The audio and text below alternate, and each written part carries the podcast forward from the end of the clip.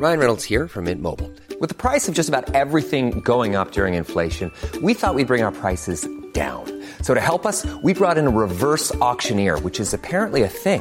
Mint Mobile unlimited premium wireless. Ready to get 30, 30, bit to get 30, bit to get 20, 20, 20, bit to get 20, 20, bit to get 15, 15, 15, 15 just 15 bucks a month. So, Give it a try at mintmobile.com slash switch.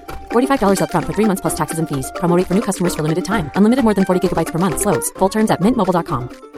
Quality sleep is essential. That's why the Sleep Number Smart Bed is designed for your ever evolving sleep needs. Need a bed that's firmer or softer on either side? Helps you sleep at a comfortable temperature? Sleep Number Smart Beds let you individualize your comfort so you sleep better together. JD Power ranks Sleep Number number 1 in customer satisfaction with mattresses purchased in-store. And now, save 50% on the Sleep Number limited edition Smart Bed for a limited time. For JD Power 2023 award information, visit jdpower.com/awards. Only at a Sleep Number store or sleepnumber.com.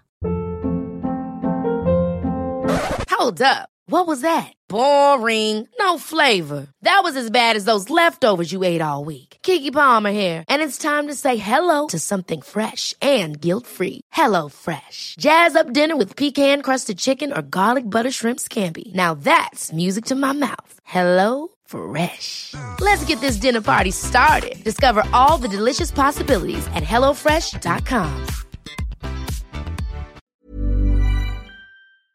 Ann, um, vet du vad som nalkas snart? Sommarsol.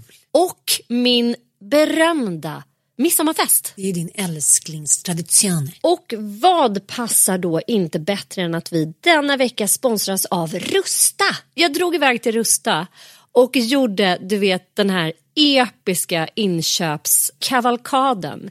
Alltså de har så mycket bord, stolar Dynlådor. och det roligaste av allt. Ja, Jag vet. lampor, mattor. allt Skatglittret. Gud vad man älskar det. För jag måste säga så här.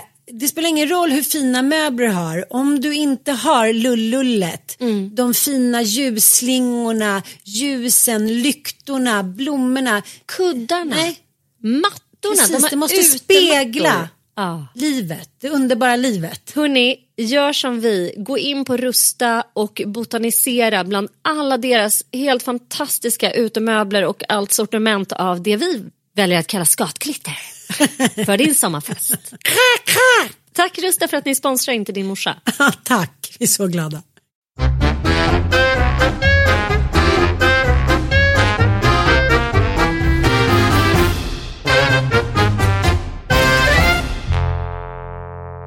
Hej och varmt välkomna till Inte din morsa. Känner mig uppiggad. Gör du? Ja.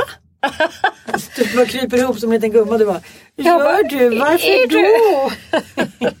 Berätta varför du är så pigg. Nej, jag tycker bara att det är lite härligt att en flykting från Zanzibar får årets litteraturpris, ja, Nobelpris. Mm.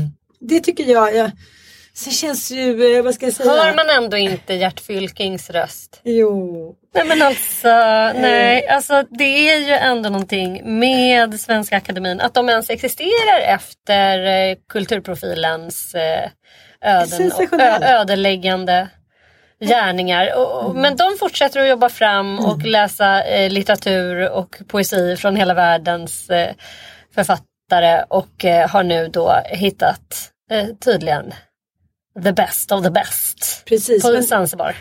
Från Zanzibar. Eh, det här är så färskt och nytt eh, men eh, vi måste ändå eh, berätta om honom. För anledningen till att jag också känner mig så tingle tangle upphetsad är ju att denna man Abdul Razak Gurnas han kommer då från, född på Zanzibar men han bor i England.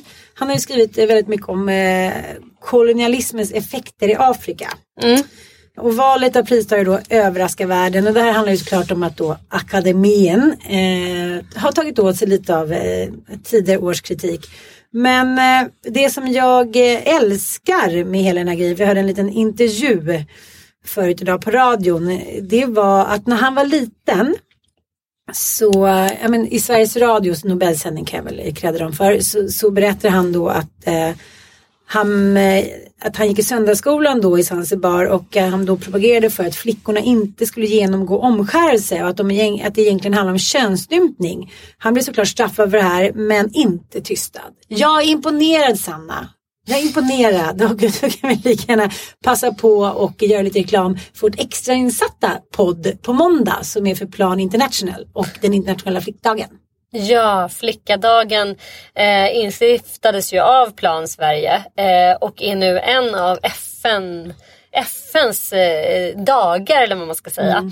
Så vi har valt att göra en, en extra podd. Det här är ju ett ämne, alltså både eh, jämställdhet generellt men framförallt jämställdhet i andra delar av världen och i utsatta delar av världen. Och eh, under pandemin så jag har känt mig så liksom nästan provocerad av det här navelskåderiet som vi på en gång har ägnat oss åt. Att det är, det är pandemi, då måste vi se till vårt eget. Liksom mm. så.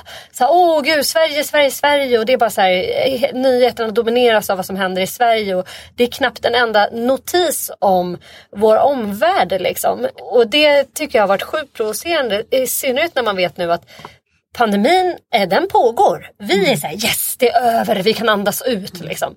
Eh, här är, eh, har folk erbjudits vaccin och sen finns det ju några då vaccinvägrare, anti-vaxxers. Men det är liksom eh, förhållandevis få och vi har återgått i stort sett till det normala. Svensk ekonomi har klarat sig jättebra. Vi har en väl utbyggd vård. Eh, vi har kunnat ge svårt sjuka människor vård även om det har varit hårt belastat så, så har, vi, har vi ändå liksom lyckats ta oss igenom det här på ett Ungdomarna hyfsat har ju bra mått, sätt. mått dåligt rent psykiskt. Ja, självklart har det varit Så det inte bara varit utmanande. guld och gröna skogar. Nej det har det inte. Men om man jämför med andra delar av världen som har liksom eh, rest tillbaks i tiden när det gäller fattigdom, svält, reproduktiv hälsa och framförallt utbildning. Så eh, är det ju liksom ett stort hån mot dem på något sätt. Eh, att vi inte har eh, bevakat eller fått läsa om vad som händer där i större utsträckning. Så därför har vi eh, verkligen valt att engagera oss lite extra eh, det här året och eh, släpper därför Flicka-podden. Eller, Goes inte din morsa. Goes inte din, eller inte din morsa Ja, så flicka-podden. det, så, så blir det. Och på måndag alltså så kommer ni få ta del av detta eh, härliga avsnitt där vi träffar eh, Marianne och Maja. Som, Mari- Marianne som ju är då eh, generalsekreterare för Plan Sverige och Maja som sitter i ungdomsrådet. Eh, in och lyssna då. Eh, vi kommer påminna er på vår Instagram. Ingen ska missa detta. Ingen ska missa. jag, jag, jag blir så glad över, för, förlåt jag tjatar om det här, men den här Nobelpristagaren som kanske inte så många känner till. Eh, han har eh, ett par av hans noveller har översatts i svenska. Det här är ju då en man, hans gärning blir ju att han är en autentisk röst. Genom att läsa då hans verk så får man ju en en exakt bild av ett okänt Afrika för oss. Det här tycker jag ofta man återkommer till om vi ska prata till exempel om eh, ja, att vi eh, gör ett avsnitt för Plan International eller som Åsne Sierstad säger att så här, oftast är det ju vi vita privilegierade människor som åker till de här utsatta områdena och ger eh, definierar vad som händer och hur de här människorna mår. Det är väldigt sällan som deras röster får en stor spridning. Så att Mm. heja, heja, heja. Annars då? Eh, ja men annars måste jag väl ändå säga att jag tycker att det här har varit en eh, bra vecka. Det har varit en så här beta av-vecka för mig. Eh, och eh, då tänker jag inte minst på min, min kära treårings tandhälsa. Oj då, oj då, oj då. Nu är. Ja, Han är det tänder. Han ska ska inte ha tandställning, jag ska inte dra ut henne gudskelov. Han eh, har sedan födseln, eller på säga, varit ett tandvårdsskeptiskt eh, barn. Han, Vad har han inte varit skeptisk mot? Han, han, han är extremt sk- skeptisk mot det mesta. Han är Han är nej-sägare. för tuff Det är för. Junior. Ja. Det är kul att det... Ja, men liksom han, han är väldigt... Eh, ha- hans om, Micke gjorde frukost på sängen till oss i morse. Ja. Gissa Foxens reaktion. Eh, han undrade liksom, han, han trodde han skulle bli förgiftad. Ja, lite. Han började gråta. Det var på fel plats på fel sätt. Han bara, vi ska äta frukost i soffan. Mamma, han är ett rutinbarn och Mm. han är skeptisk inför nyheter. Han behöver Mm. förberedas för det mesta. Och eh, det gjorde ju inte då eh, saken bättre. Eh, han har varit tandvårdsskeptisk ända sedan han var liten. Liksom att någon ska in och greja hans mun. Han är lite som ett djur, så här, som en katt lite grann. De är så här, liksom, det är instinktivt, man måste socialt. Ryggar. Ja men de bara ryggar Vätten. mot allt som. Vätten som blev en katt. Ja, och det går inte att locka, muta, övertala. Nej, han är sjukt så här bestämd på hur det ska vara. Och det är väl, det, det, det, det enda som fungerar är typ eh, förberedelse. Som ändå då Krackelerar. krackelerar oftast. Skitsamma. Det gjorde inte saken bättre av att han bröt benet i januari och tvingades då åka in på akuten eh, där han träffar då bara massa läkare, sköterskor eh, mitt i natten med så här pandemiutstyrsel. Ja, Eh, Gud, det kan ju vara traumatiskt. Alltså det är traumatiskt för någon som är två och ett halvt år och så har jätteont i sitt ben. Och tvingas åka in och då möta så här utomjording, alltså så här, käns- till och med en själv tycker att det är obehagligt. Man ser inte ansikten, man ser inte om någon ler eller är glad eller är ledsen. Nej. Och eh, man tvingas då genomgå massa undersökningar in the middle of the night när man egentligen är jättetrött och fortfarande har jätteont. Så efter det, han vill ju inte gå till varken läkare eller barn, barnavårdscentral eller någonting. Han är sjukt Han är mormon anti. älskling. Han är, mor- han är en anti-vaxxer. Ja, men han, så att vi, då, vi fick ju en remiss för jag tänkte så här, men han får gå till min tandläkare Jörgen. Han är ändå en helt underbar människa. Som är, det är klassisk musik i högtalarna. Han har en helt fantastisk eh, tandsköterska och man blir så omhuldad av honom. Och han lät Jörgen titta på eh, eh hans tänder faktiskt. Eh, och, eh, men han remitterade då till specialisttandvård för han är så här, han ska få riktigt gott intryck av tandläkaren. Han måste till specialist. Så då fick vi komma då till specialisttandvården eh, på Karolinska. Och herre jävlar vad imponerad jag är. Har du varit på specialisttandvård med Jag något av jag har dina varit på barn? Karolinska på olika, nej inte olika vårdar men jag har varit på Karolinska eh, kväll och natt. Och jävlar vad imponerade. Jag ville typ ligga med alla mandlar. jag ville byta bana älskling. Till Nej, vad som jag, helst inom... jag gjorde två noteringar. Dels att så här, fan vad de, vad de har kommit långt. För de, de hade ju arsenal där för att möta rädsla och skepsism.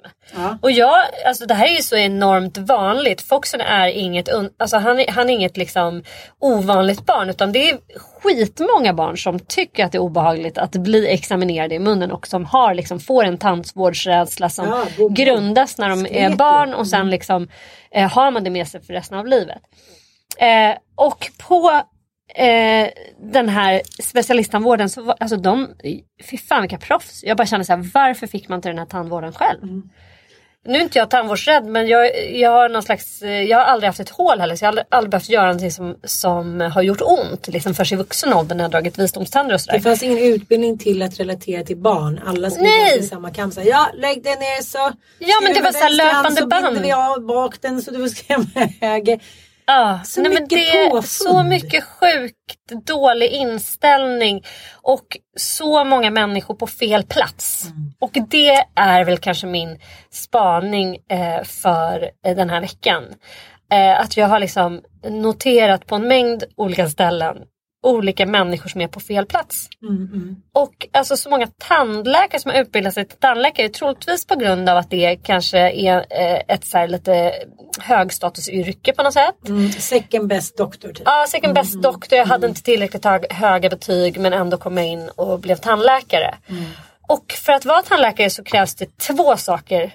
Eh, eh, tycker jag. Dels eh, var tålende. stomatolvedare och fräschör. Nej, det krävs tre, tre huvudsakliga ingredienser för att bli en lyckad tandläkare. Och den ena utav dem är ju faktiskt en människokärlek. Att man faktiskt kan möta människor och skapa patient och läkarkontakt som inger någon typ av trygghet och känsla av att man är buren, hållen och respekterad. Det är väl number one och det är förhållandevis många, alltså både läkare och tandläkare som har noll kompetens på det området. Hur många har man själv träffat på? Jag, vet jag kan säga dig så här, jag går aldrig till läkaren. Jag värjer med frågor till läkaren. För att sjukt många läkare som jag har träffat, jag ska inte snacka skit om hela läkarkåren här. Men det är väldigt många som inte har en schysst skön attityd mot sina patienter. Som jag har träffat på i alla fall. Och jag kanske har, varit, jag kanske har sammanlagt träffat 30 läkare. Självklart kan inte jag uttala mig generellt. Men alltså under alla mina år i livet. Liksom, någon gång om året upp, har man väl uppsökt en läkare. Och någon gynekolog, då inkluderar jag liksom förlossningsläkare, gynekologer, husläkare typ. Eh, men just det där att man är eh, löpande band. Eh, alltså så mycket, ja. Och tandläkare där har jag haft tur för att jag liksom har, har fått gå via rekommendationer och nu har jag lyckats träffa en helt fantastisk tandläkare. Men jag har träffat många tandläkare i mina dagar som bara behandlar en som att man är typ ja, men en katt. Ungefär. alltså, så här, Dra ut det bara. dra ut det eller borra lite. Så här. Det är ingen angenäm upplevelse. Number two. Det är ju att man är en hantverkare utan Guds nåde. För vilket jävla pilleri att sitta och hålla på med någons tand. Alltså det är ju jätteliten sak. Det är typ som att vara så här, du vet såna här gammaldags porträtt som var populära. När man typ målar frimärken. Skillingetryck. Ja, men, alltså, Det är ganska konstigt att du ska ha så högsta betyg för att söka till läkarlinjen. Men det är ingen kontroll över din typ förmåga till estetik slash typ fingerfärdighet. Vilket ju är svinviktigt. Både när man ska så här, sy igen ett sår, eh, sticka någon i armen, undersöka någons vagina eller laga en rotfyllning. Nummer tre det är naturligtvis fräschör. Jag har varit hos en annan tandläkare, bland annat en tandläkare som eh, gick ut och tog en rökpaus mitt, mitt rök. under behandling. Tog en rök. Kommer tillbaka och det var innan tiden. Det var innan Florence Nightingale. Det var, det var innan eh, plasthandskarna blev obligatorik. Så att du kan Nej, tänka verkligen. Nej, så här verkligen. fimpt. Som bara, åh! Behöver jag säga att jag inte gick tillbaka till honom nu? Min tandläkare är den här gamla tidens eh, börja jogga, sluta grogga kvinna. Nu tar du bara, lägg dig ner bara. Du vet så här vänligt bestämd. En babushka i svensk tappning. Ja. Jag är så fascinerad av den typen av kvinnor. Det är så sällan jag är nära dem. Mm. Och, eh, och så har de också en liten räv bakom örat. Så det är lite så här, precis när man känner sig lite orolig och tycker att man inte har fått tillräckligt med kärlek. Då kommer en liten ömhetsbetygelse. En liten klapp på axeln. Ja, det går snabbt. Det gör snabbt. In ut bara och det blir perfekt. Liksom. Och hon har en otrolig stolthet i sitt yrke. Mm. Vilket kanske inte är lika vanligt eh, som eh, det var förr i tiden. Eller vad vet jag. Eh, yrke är ju inte samma sak. Ett yrke har ju omdefinierats. Eh, jag har kanske liksom 50 olika yrken. Det kanske inte är möjligt att vara lika så här stolt över guldklockan man aldrig fick.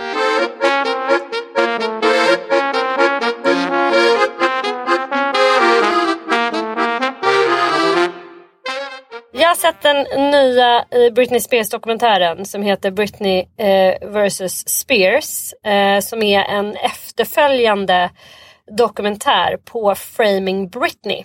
Det här är, den, den, den är ju extremt eh, uppskakande. Alltså den är ju... Oh, jag vet inte vad jag ska säga men det framgår ju här att hennes pappa har eh, eh, haft mycket, mycket större kontroll över henne än vad man tidigare har trott. Han har ju haft eh, ett säkerhetsbolag som inte bara haft i uppgift att eh, hålla henne safe då Nej. utan även eh, kontrollera henne via hennes framförallt smartphone och ha full access till alla hennes meddelanden, alla bilder hon har tagit, alla eh, telefonsamtal, alla videosamtal hon har gjort. Och därmed också ha full kontroll över vilka hon har dejtat, vilka hon träffar och på vilka sätt hon har eh, haft relationer till andra. Vilket har givit honom en enorm då, vad ska man säga, Makt. makt över henne såklart. Det framkommer också i dokumentären Det är att som rasbiologin. Ja men det är helt Hon har inte ens fått skaffa barn. Nej, hon, liksom- hon har hon har tvingats ha eh, spiral. Och, Det är eh, sådana övergrepp. ja, och hon, Modern tid. hon har också fått så här fickpeng.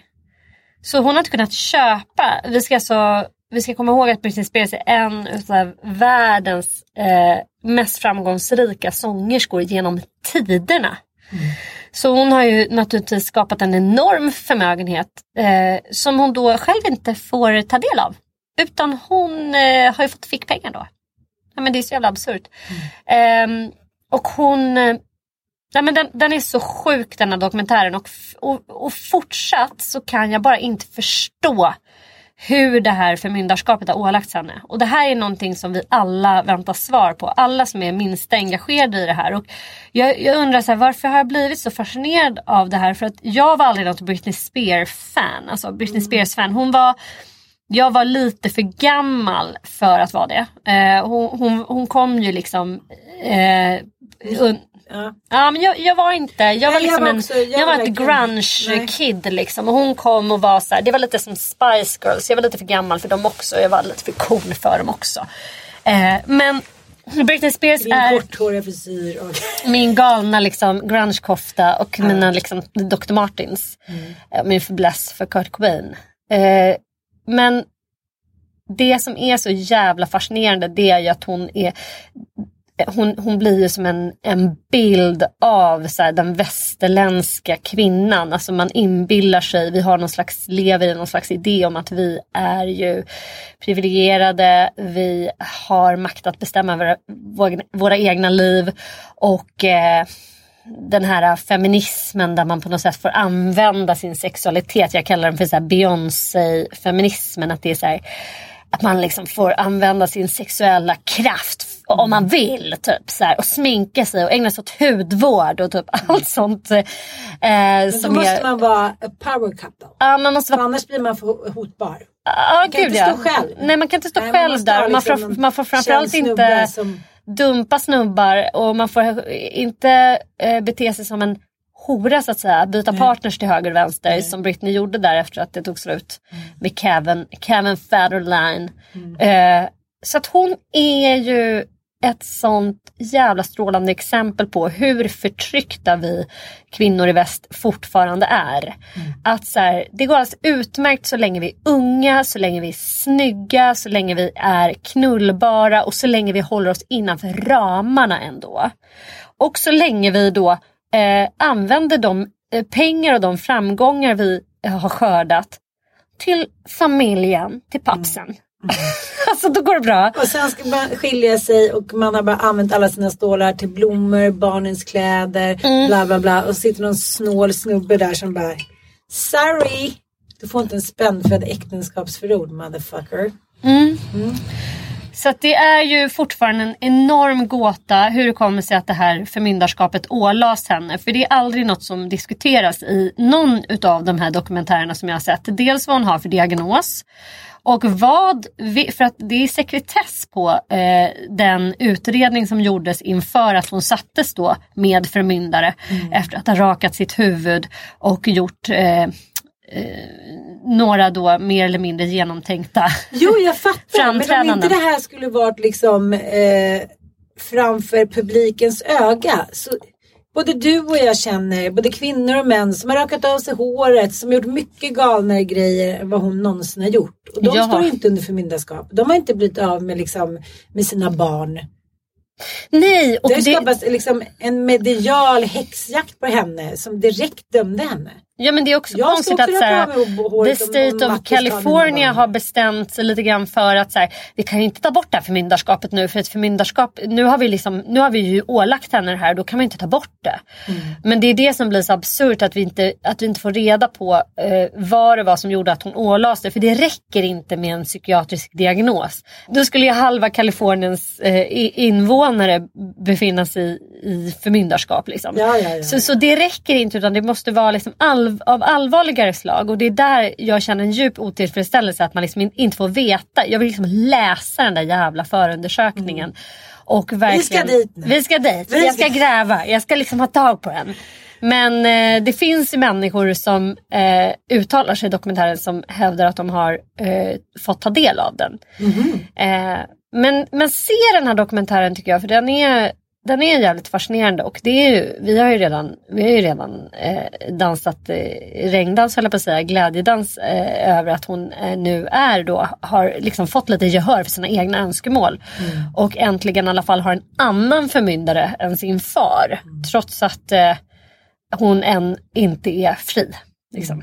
Men jag, jag tänker på en annan kvinna, Marilyn Monroe, eh, som också blev liksom, eh, ja, hon levde och verkade genom sin eh, sexualitet också. Och Mm. sin liksom flickighet och mm, ja, men det är en klassisk framträdande när hon sjunger då för presidenten på hans födelsedag, John F Kennedy som hon då är älskarinna till. Mm. Också så här, vem, vilken Bindefeld kom på det? Att hon skulle komma upp och sjunga när så här, Jackie satt där och såg Ja, vem fan kom vem på fan det? kom på det? Vi ska lyssna lite på det.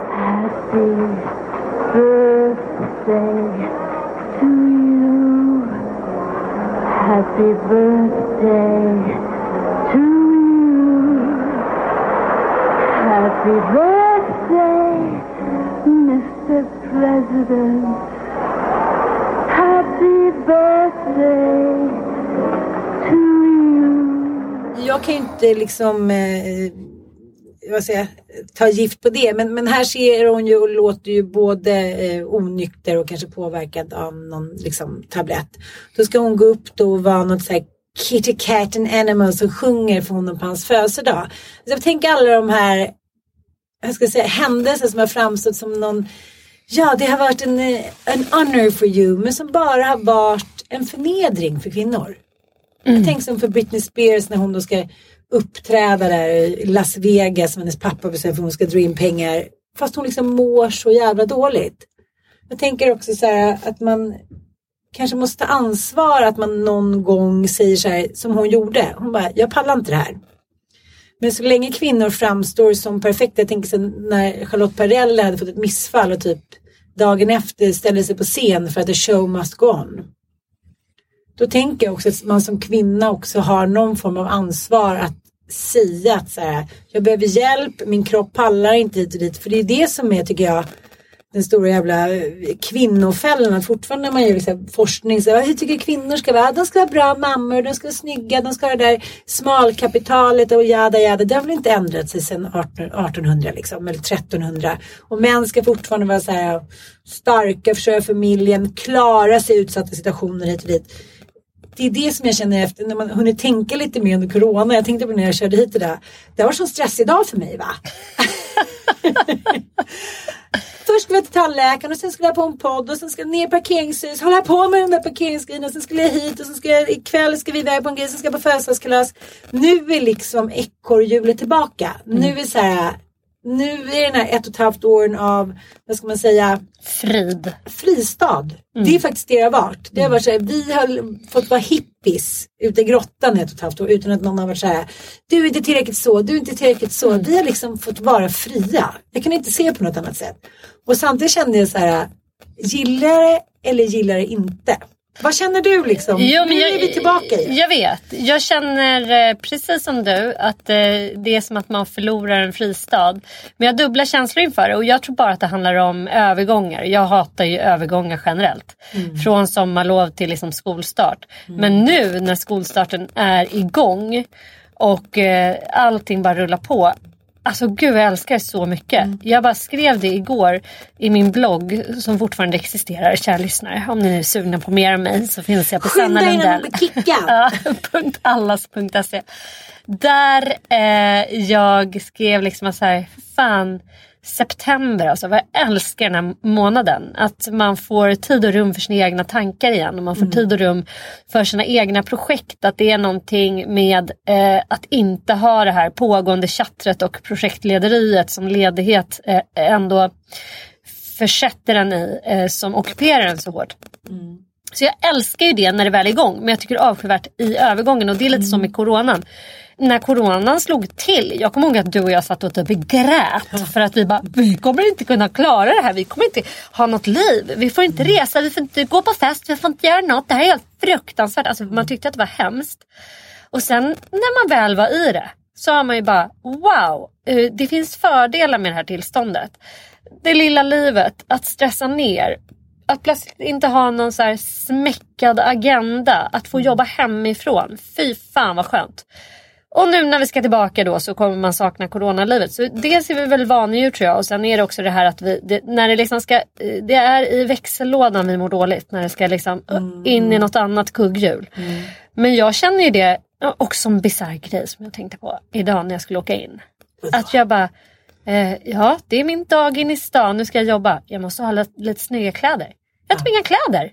Jag har köpt så mycket mjukiskläder. Jag har köpt så mycket, så här, varenda jävla plagg jag köpt det här året. Det har varit så här. Och gympadojor. Gympadojor. har Nej typ men jag har tio så stycken mycket gympadojor, Mjukisdojkläder.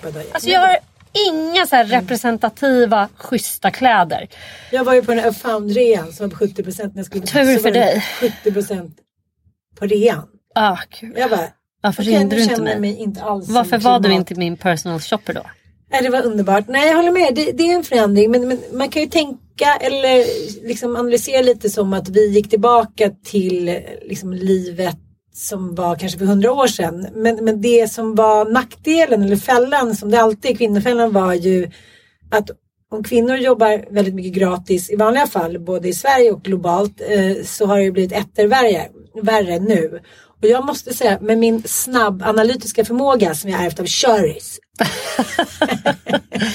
min pappa så måste jag se att nu när vi ska tillbaka in i verkligheten så verkar det som att så här, kvinnor plus 40 med barn som inte är ett år gamla har klarat det här bäst. Unga tjejer och killar, det verkar liksom bräckligt. Männen faller i käglor. Det är bara så här dominobrickor. Bara, Men ligg kvar, vi, vi får bara styra upp det här. Och nu har ju Frasse varit sjuk hela den här veckan. Mm. Och eh, då kan jag känna att jag helt plötsligt fick en liten fristad. Här, kolla på Ronja Rövardotter och det är någonting som har hänt nu när de det är en uppenbarelse för mig. Igår så ligger jag alltså och kollar en och en halv timme drygt på Ronja Rövardotter. Jag har aldrig sett klart filmen. Nej, jag har aldrig gjort det. För att det var så här, Fem år senare. nej, jag bara känner så här, jag- blev nästan deprimerad på slutet. Jag bara säger, är det här mitt liv? Är det nu att jag ska ligga stilla och bli gammal? För att sådana saker som att vara närvarande och stilla har jag aldrig hunnit med. Och nu när så här, Elon och, och Dante, deras pappa är bortrest den här veckan, han har flyttat tillbaka till stan. De bara så ah, vi får se när vi kommer typ. Jag vill säga okej, okej. Och Ossian i Costa Rica. Och av gammal vana så köpte jag ju två kilo kyckling igår. Kom hem liksom. Åh, jag ska iväg nu här på ett jobbgrej. Marinerade dem in i kylen. Och sen så, alltså förlåt jag börjar nästan gråta nu men det här var skitsvårt för mig. Jag fick sån jävla identitetskris, jag höll på att kräkas. Så ringer Ilan och säger jag bara, mamma har gjort kycklingklubbor till dig. Han var såhär, okej morsan, jag hinner inte snacka med dig nu. Jag kan inte komma hem, jag kan inte träna några bebisarna där typ. Och Dante så svarade inte. Jag var såhär, okej, och Ossian är borta och Frasse är lite sjuk. Så där ligger de som en såhär fornminnet, Poseidon, ett, jag, jag vet hur mitt liv var i kylskåpet. Ostekta, ogrillade, jag vet inte, ska de ligga där bara? Vad ska jag göra med dem? Vem ska äta upp dem? Jag vill inte ha dem. Det är hundvalpen. Som du nu måste köpa. Du måste starta kennel älskling. Nej, jag måste göra någonting. Jag var så här, från en dag till en annan så kastades jag på soptippen. För jag behövde inte längre vara någons matmor. Ja. Och så till slut ringde Ossian då. Och jag hade skickat filmer och det, och sms och Frans, det går bra på förskolan. Jag kände mig verkligen som Amerika-Agda. Långa. Så ringde han upp sig på, eh, på Facetime. Och sa, men mamma, älskling, jag har bara varit borta en vecka. Jag sa, nej. Jag Okej, han hade varit borta en vecka älskling.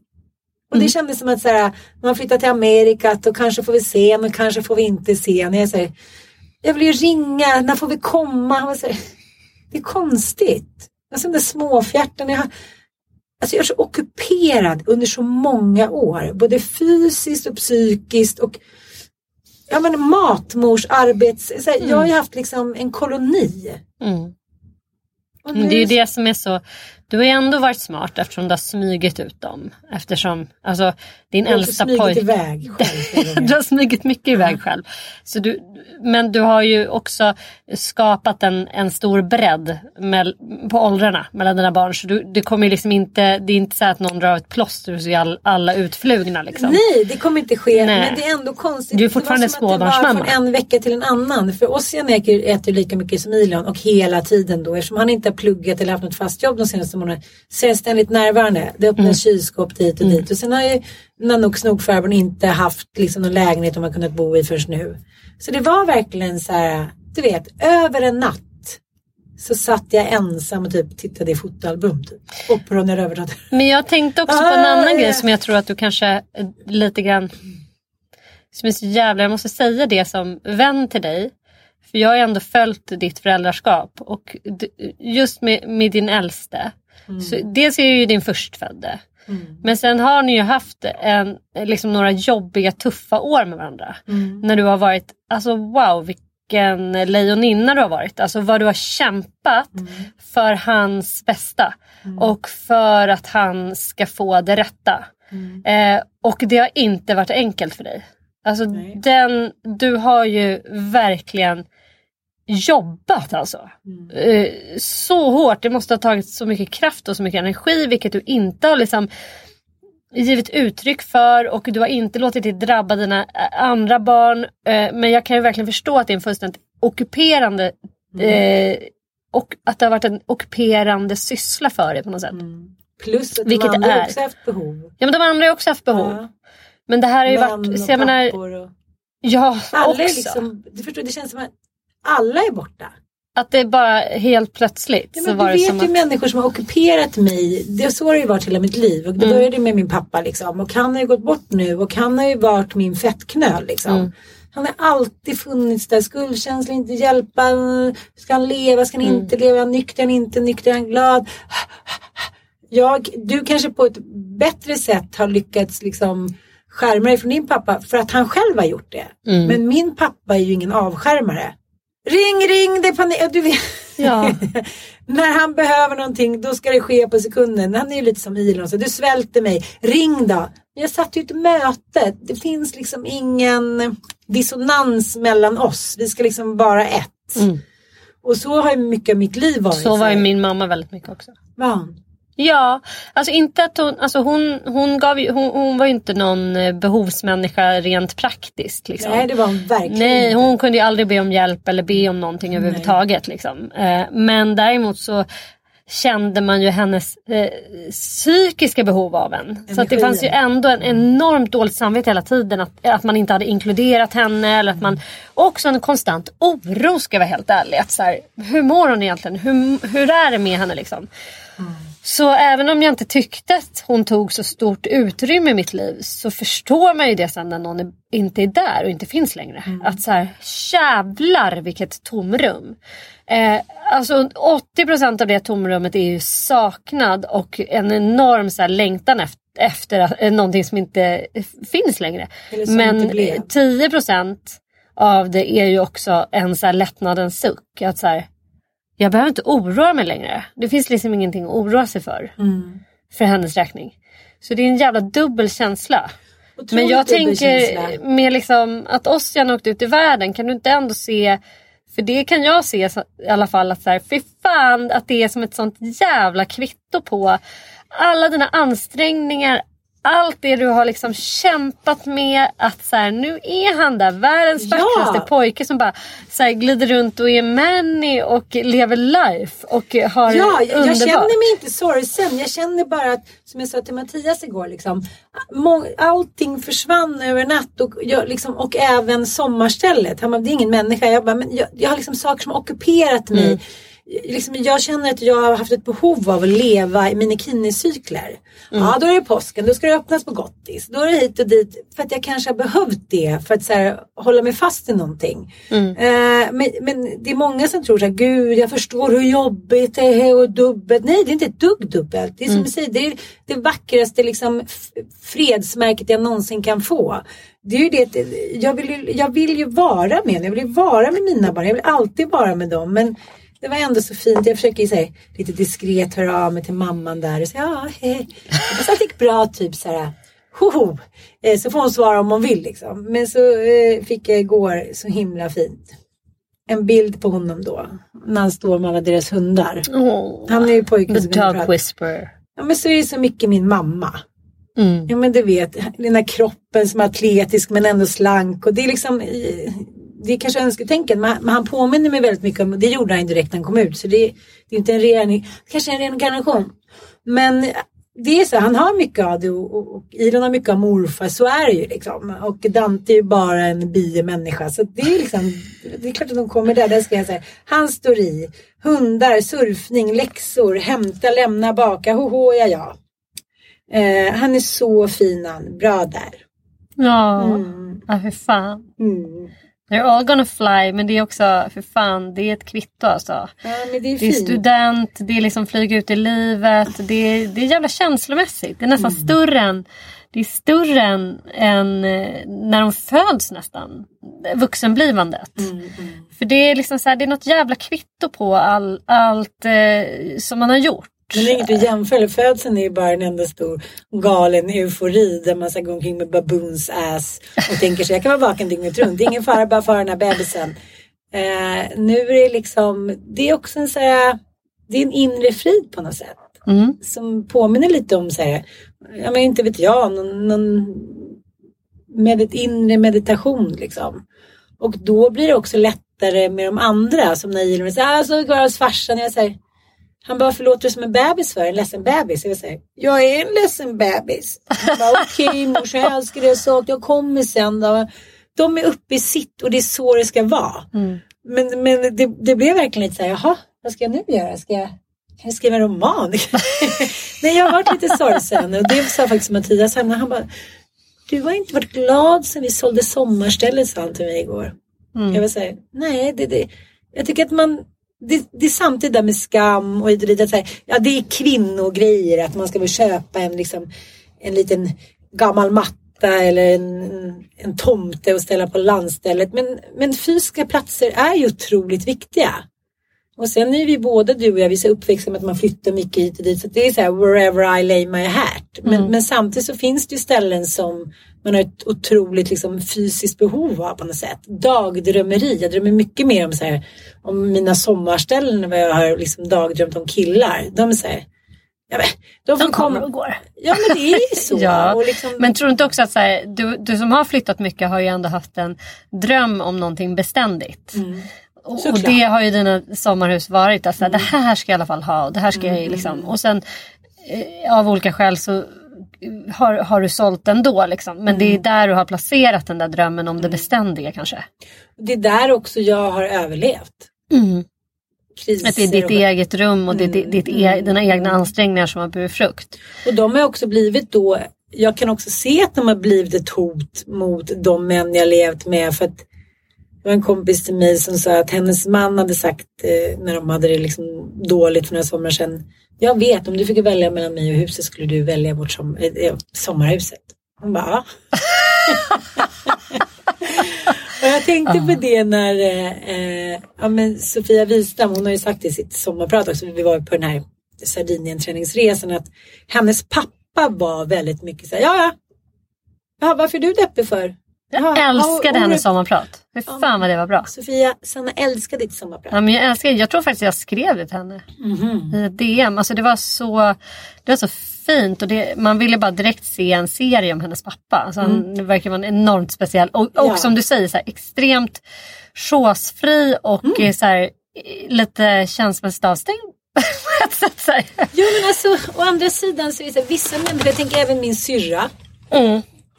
Jag har ganska många människor i min närhet som jag ändå tycker så här, ja det funkade ju inte. Varför ska jag sitta här för? Varför ska sitta han här och älta. skitstöveln? Varför ska jag ligga där när han inte ens liksom go down on me? Varför ska jag gå vidare i livet utan att jag mår bra? Hej då! Sen liksom är de oftast schyssta och alla älskar dem. Men, men det är lite som du säger chosefritt. Ah, jaha, hade han varit otrogen? Du hade också varit otrogen. Ja, var du kär i henne? Nej. Ja, vilken möjlighet som kom nu. Ja. Det, det var inte mycket tårar. Nej. Och det, det är det hon, men hon liksom både älskar och, och avskyr honom. Alltså Mm. hon ser ju hans brister men kan ändå omfamna det som var bra med honom. Eh, Men ja. du vet ju det där sättet man kan grotta ner sig själv i. I den där goffigheten, i den där Ja bitterheten. men gud ja. Och jag tänker att så här, jag har ju aldrig blivit lämnad på något elakt sätt. Och jag tror att eftersom jag har ganska mycket stolthet och ganska högt anseende i mina egna ögon. Så tror jag att det skulle verkligen kunna ta knäcken på mig. Och därför så förbereder jag mig för att det kan hända. Och tänker så här, ja saker och ting har hänt, du har gjort liknande. Alltså att man inte ska ta allting så jävla personligt. Jag läste om en kompis nu, hennes pappa hade lämnat hennes mamma nu till 32 för han träffade en kille. Oh my god. Ja, men Det här händer ju åt båda hållen. Liksom. Det har ju hänt sedan 1300-talet. Mm. Fråga Oscar Wilde. Eh, så, men just det där att man blir drabbad av någonting. Mm. Och eh, Jag tycker det är roligt att så många av mina tjejkompisar, de är så säkra på sina karlar. Alltså. Nej, han skulle aldrig, skulle aldrig göra något med Han skulle aldrig göra ditten och datten. Och så sitter de där med så här, eh, skägget i brevlådan och bara va? Och eh, Alltså, det gäller överlag att man underskattar andra människors förmåga till passion. Liksom, finns det inte passion på länge så, så tänker kanske den ena att så här, men det är jag som är mest missnöjd. Men varför skulle inte den andra vara missnöjd med att inte vara älskad? Liksom?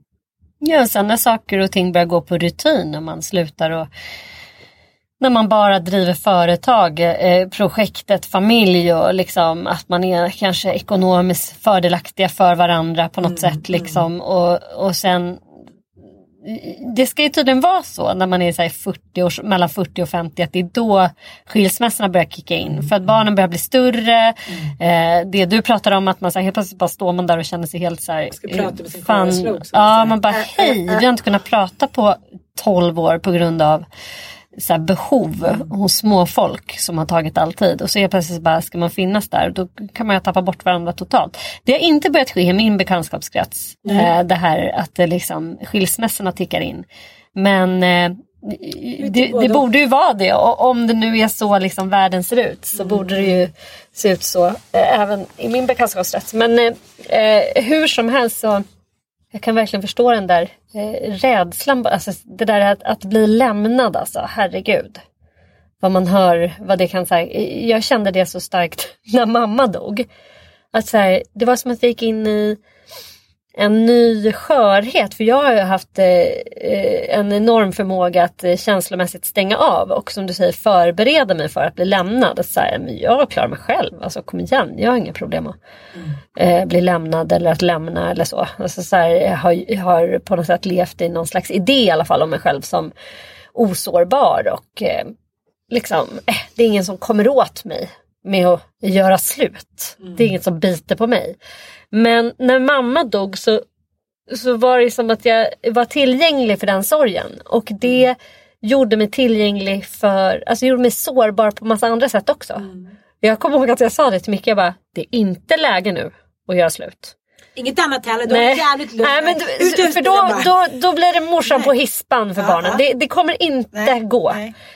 Ska du liksom skilja dig från mig eller göra så här, då får du vänta ett par år. För att jag måste liksom Mm. läka först. Jag, jag är inte eh, förmögen att hantera även en skilsmässa efter eh, plågsam död. Liksom. Eh, så att, eh, jag är mycket mer sårbar inför det. Jag tror att jag skulle också helt gå sönder. Och sen är jag inte så rädd för det ändå. För jag vet att så här, alltså det är lite grann som, har man fött barn.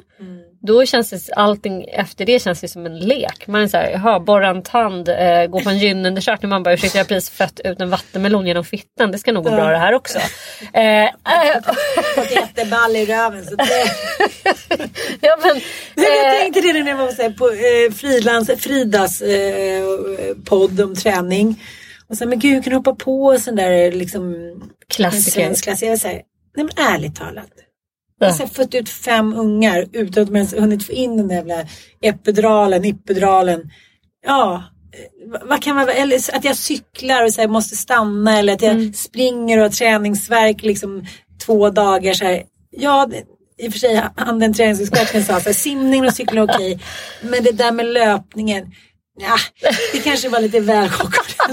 Springa tre mil i så här vidrig terräng. Jag menar bara att, att ah, jag vet inte, det, det gäller att hitta den här känslan av come what may liksom.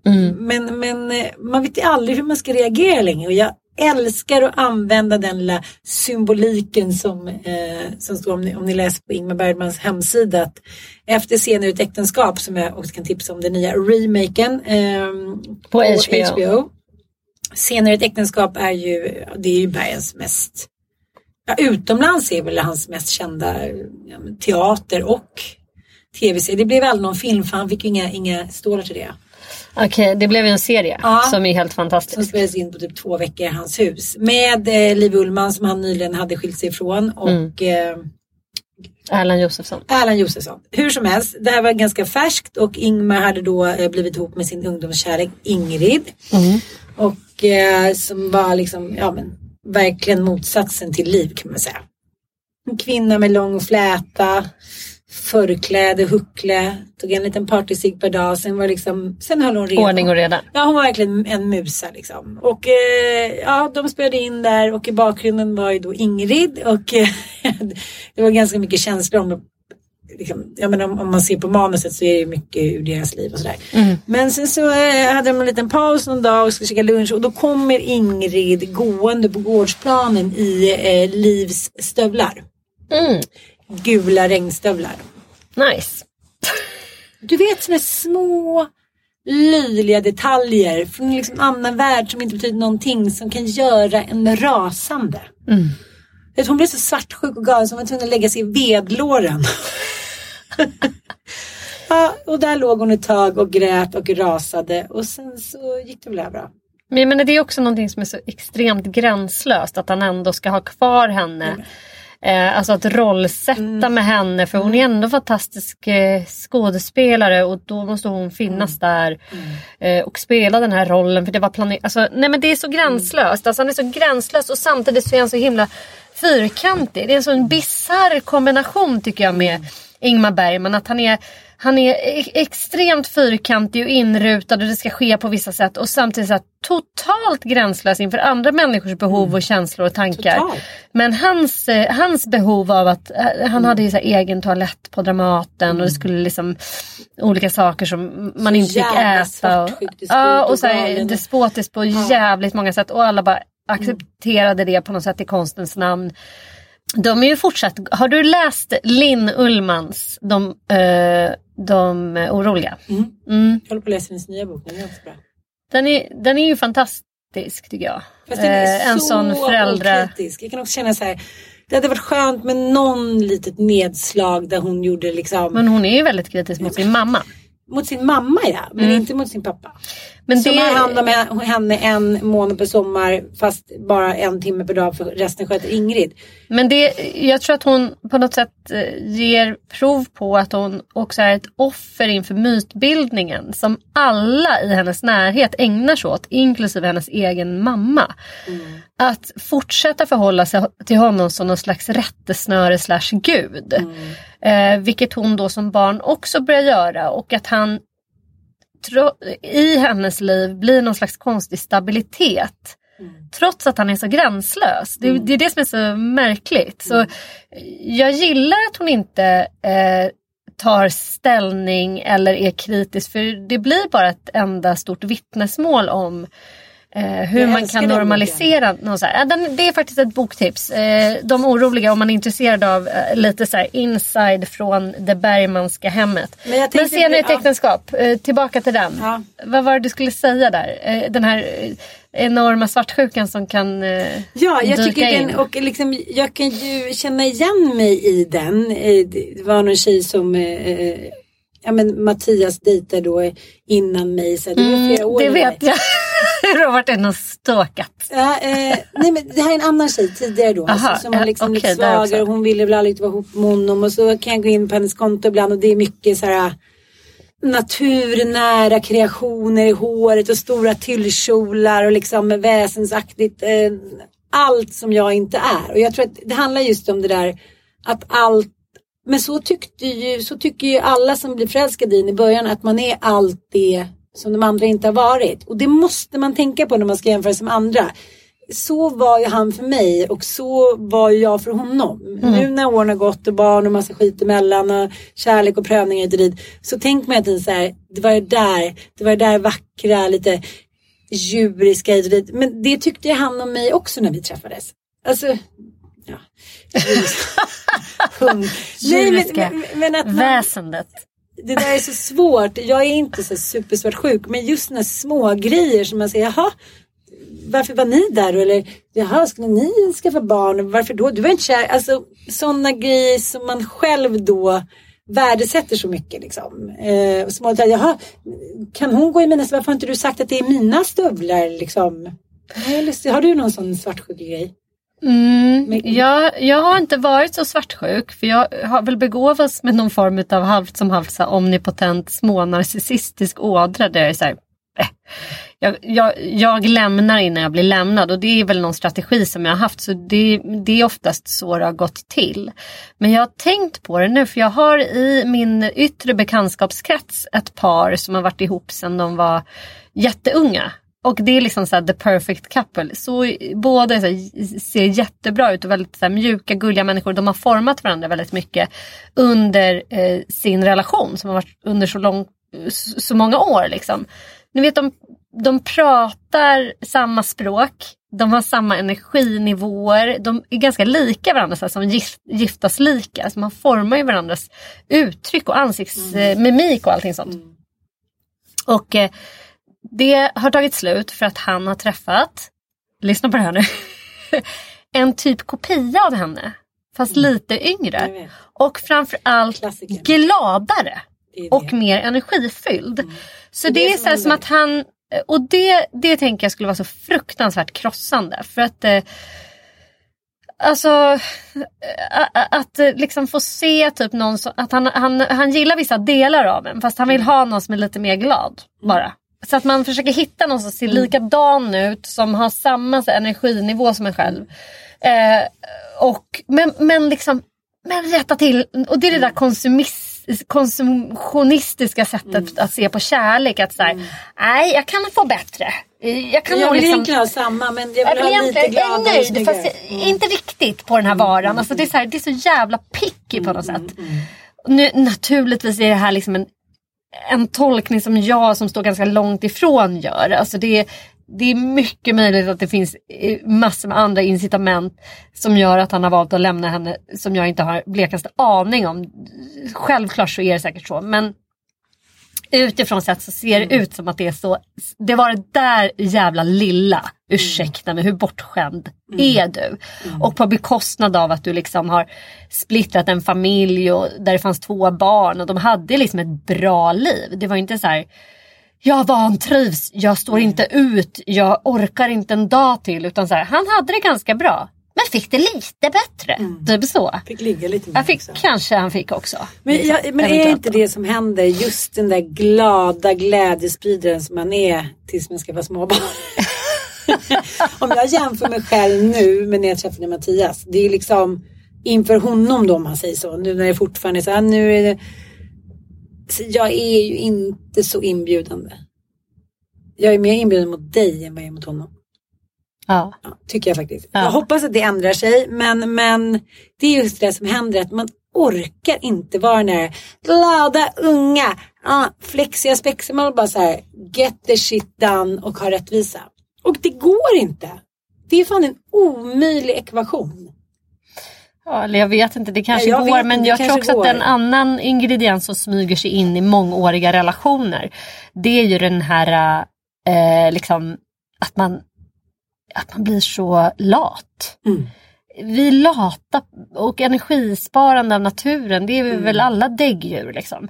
Och när man säger nu har vi våra ungar, nu har vi vår relation, nu kan vi väl bara få lata oss och lägga oss och titta på Netflix och så här, mumsa i soffan och inte anstränga oss. Liksom. För att all Mm. typ av glädje och lycka kräver ju någon form av, av motprestation och ansträngning. Ja, alltså, ja. Mm. Man måste ordna saker för sig. Man måste, vattna sin kärlek, Ja. ursäkta uttrycket men så Det är är det det. verkligen. Och man måste liksom så här, det, det krävs lite ansträngning. Och på något jävla sjukt sätt så är det som att man blir latare och latare för varje år. Det där försöker Mm. jag, jag försöker fan tänka på det. Och så kan man ju bli sjukt bitter på sin partner. Man bara, men gud när bjöd du ut mig senast? När gjorde du något galet? Så. Mm. Men oftast när jag tänker så, ligger och bittrar till mig. Då kom det lite frukost på sängen i morse. Han kan läsa tankar. Vad visar du nu för Men bild? nu visar ju då... Att, På mig? Nej, Och bitterhet på J Lo. J.Lo och Ben Affleck. Ja, det Fy finns liksom en serie på dem nu. Där, de, där det är fyra bilder. Där han är så här. Han tittar på henne, han håller om henne. De är så heta och de är så glada. Och sen som toppen på krasisberget som gör att man själv så här, lägger sig ner och bara Ge mig godis bara. Valium. Intravenöst. Men då är hon på en liten fin tillställning. Hon liksom fattar inte riktigt. Det kommer fram någon tjej till henne. Hon blir liksom, på något sätt så blir J Lo osäker av det. Vi lägger upp den här Mm. i vår lilla Instagram, eh, inte din morsa.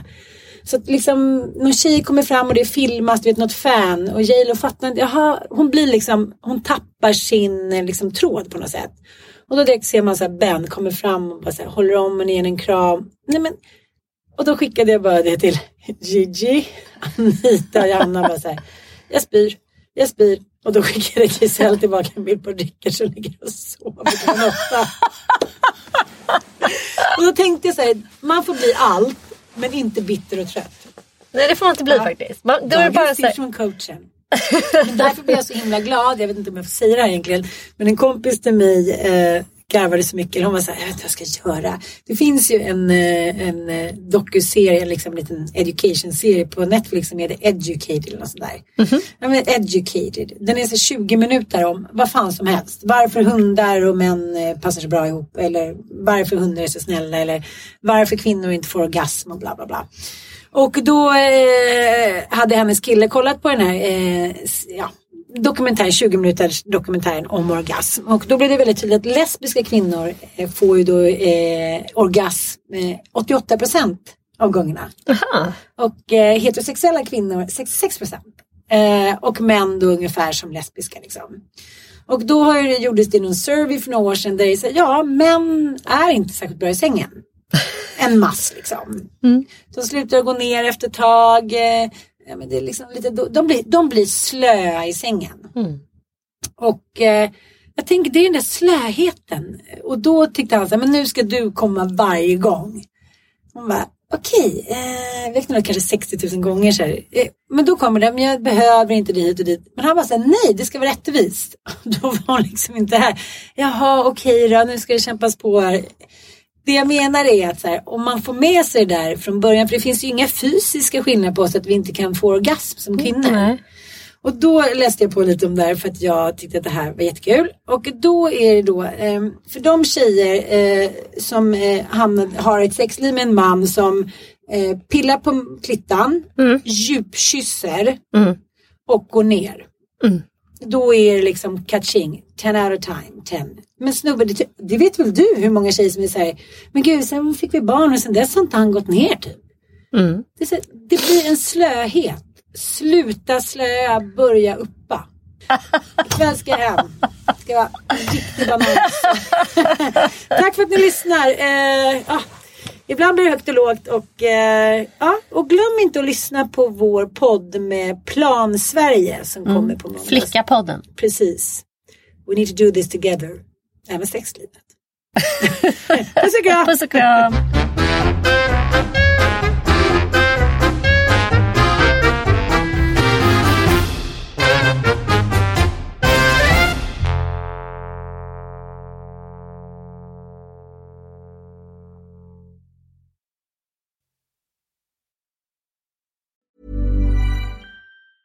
Ever catch yourself eating the same flavorless dinner three days in a row? Dreaming of something better? Well, HelloFresh is your guilt-free dream come true, baby. It's me, Kiki Palmer. Let's wake up those taste buds with hot, juicy pecan-crusted chicken or garlic butter shrimp scampi. Mm. Hello Fresh. Stop dreaming of all the delicious possibilities and dig in at HelloFresh.com. Let's get this dinner party started. Even when we're on a budget, we still deserve nice things. Quince is a place to scoop up stunning high-end goods for 50 to 80% less than similar brands. They have buttery soft cashmere sweaters starting at $50, luxurious Italian leather bags, and so much more. Plus, Quince only works with factories that use safe, ethical, and responsible manufacturing. Get the high-end goods you'll love without the high price tag with Quince. Go to quince.com slash style for free shipping and 365-day returns. Hi, I'm Daniel, founder of Pretty Litter. Did you know cats tend to hide symptoms of sickness and pain? I learned this the hard way after losing my cat, Gingy. So I created Pretty Litter, a health monitoring litter that helps detect early signs of illness by changing colors, saving you money and potentially your cat's life. Pretty Litter is veterinarian developed, and it's the easiest way to keep tabs on your fur baby's health right at home. Go to prettylitter.com and use code ACAST for 20% off your first order and a free cat toy. Terms and conditions apply. See site for details.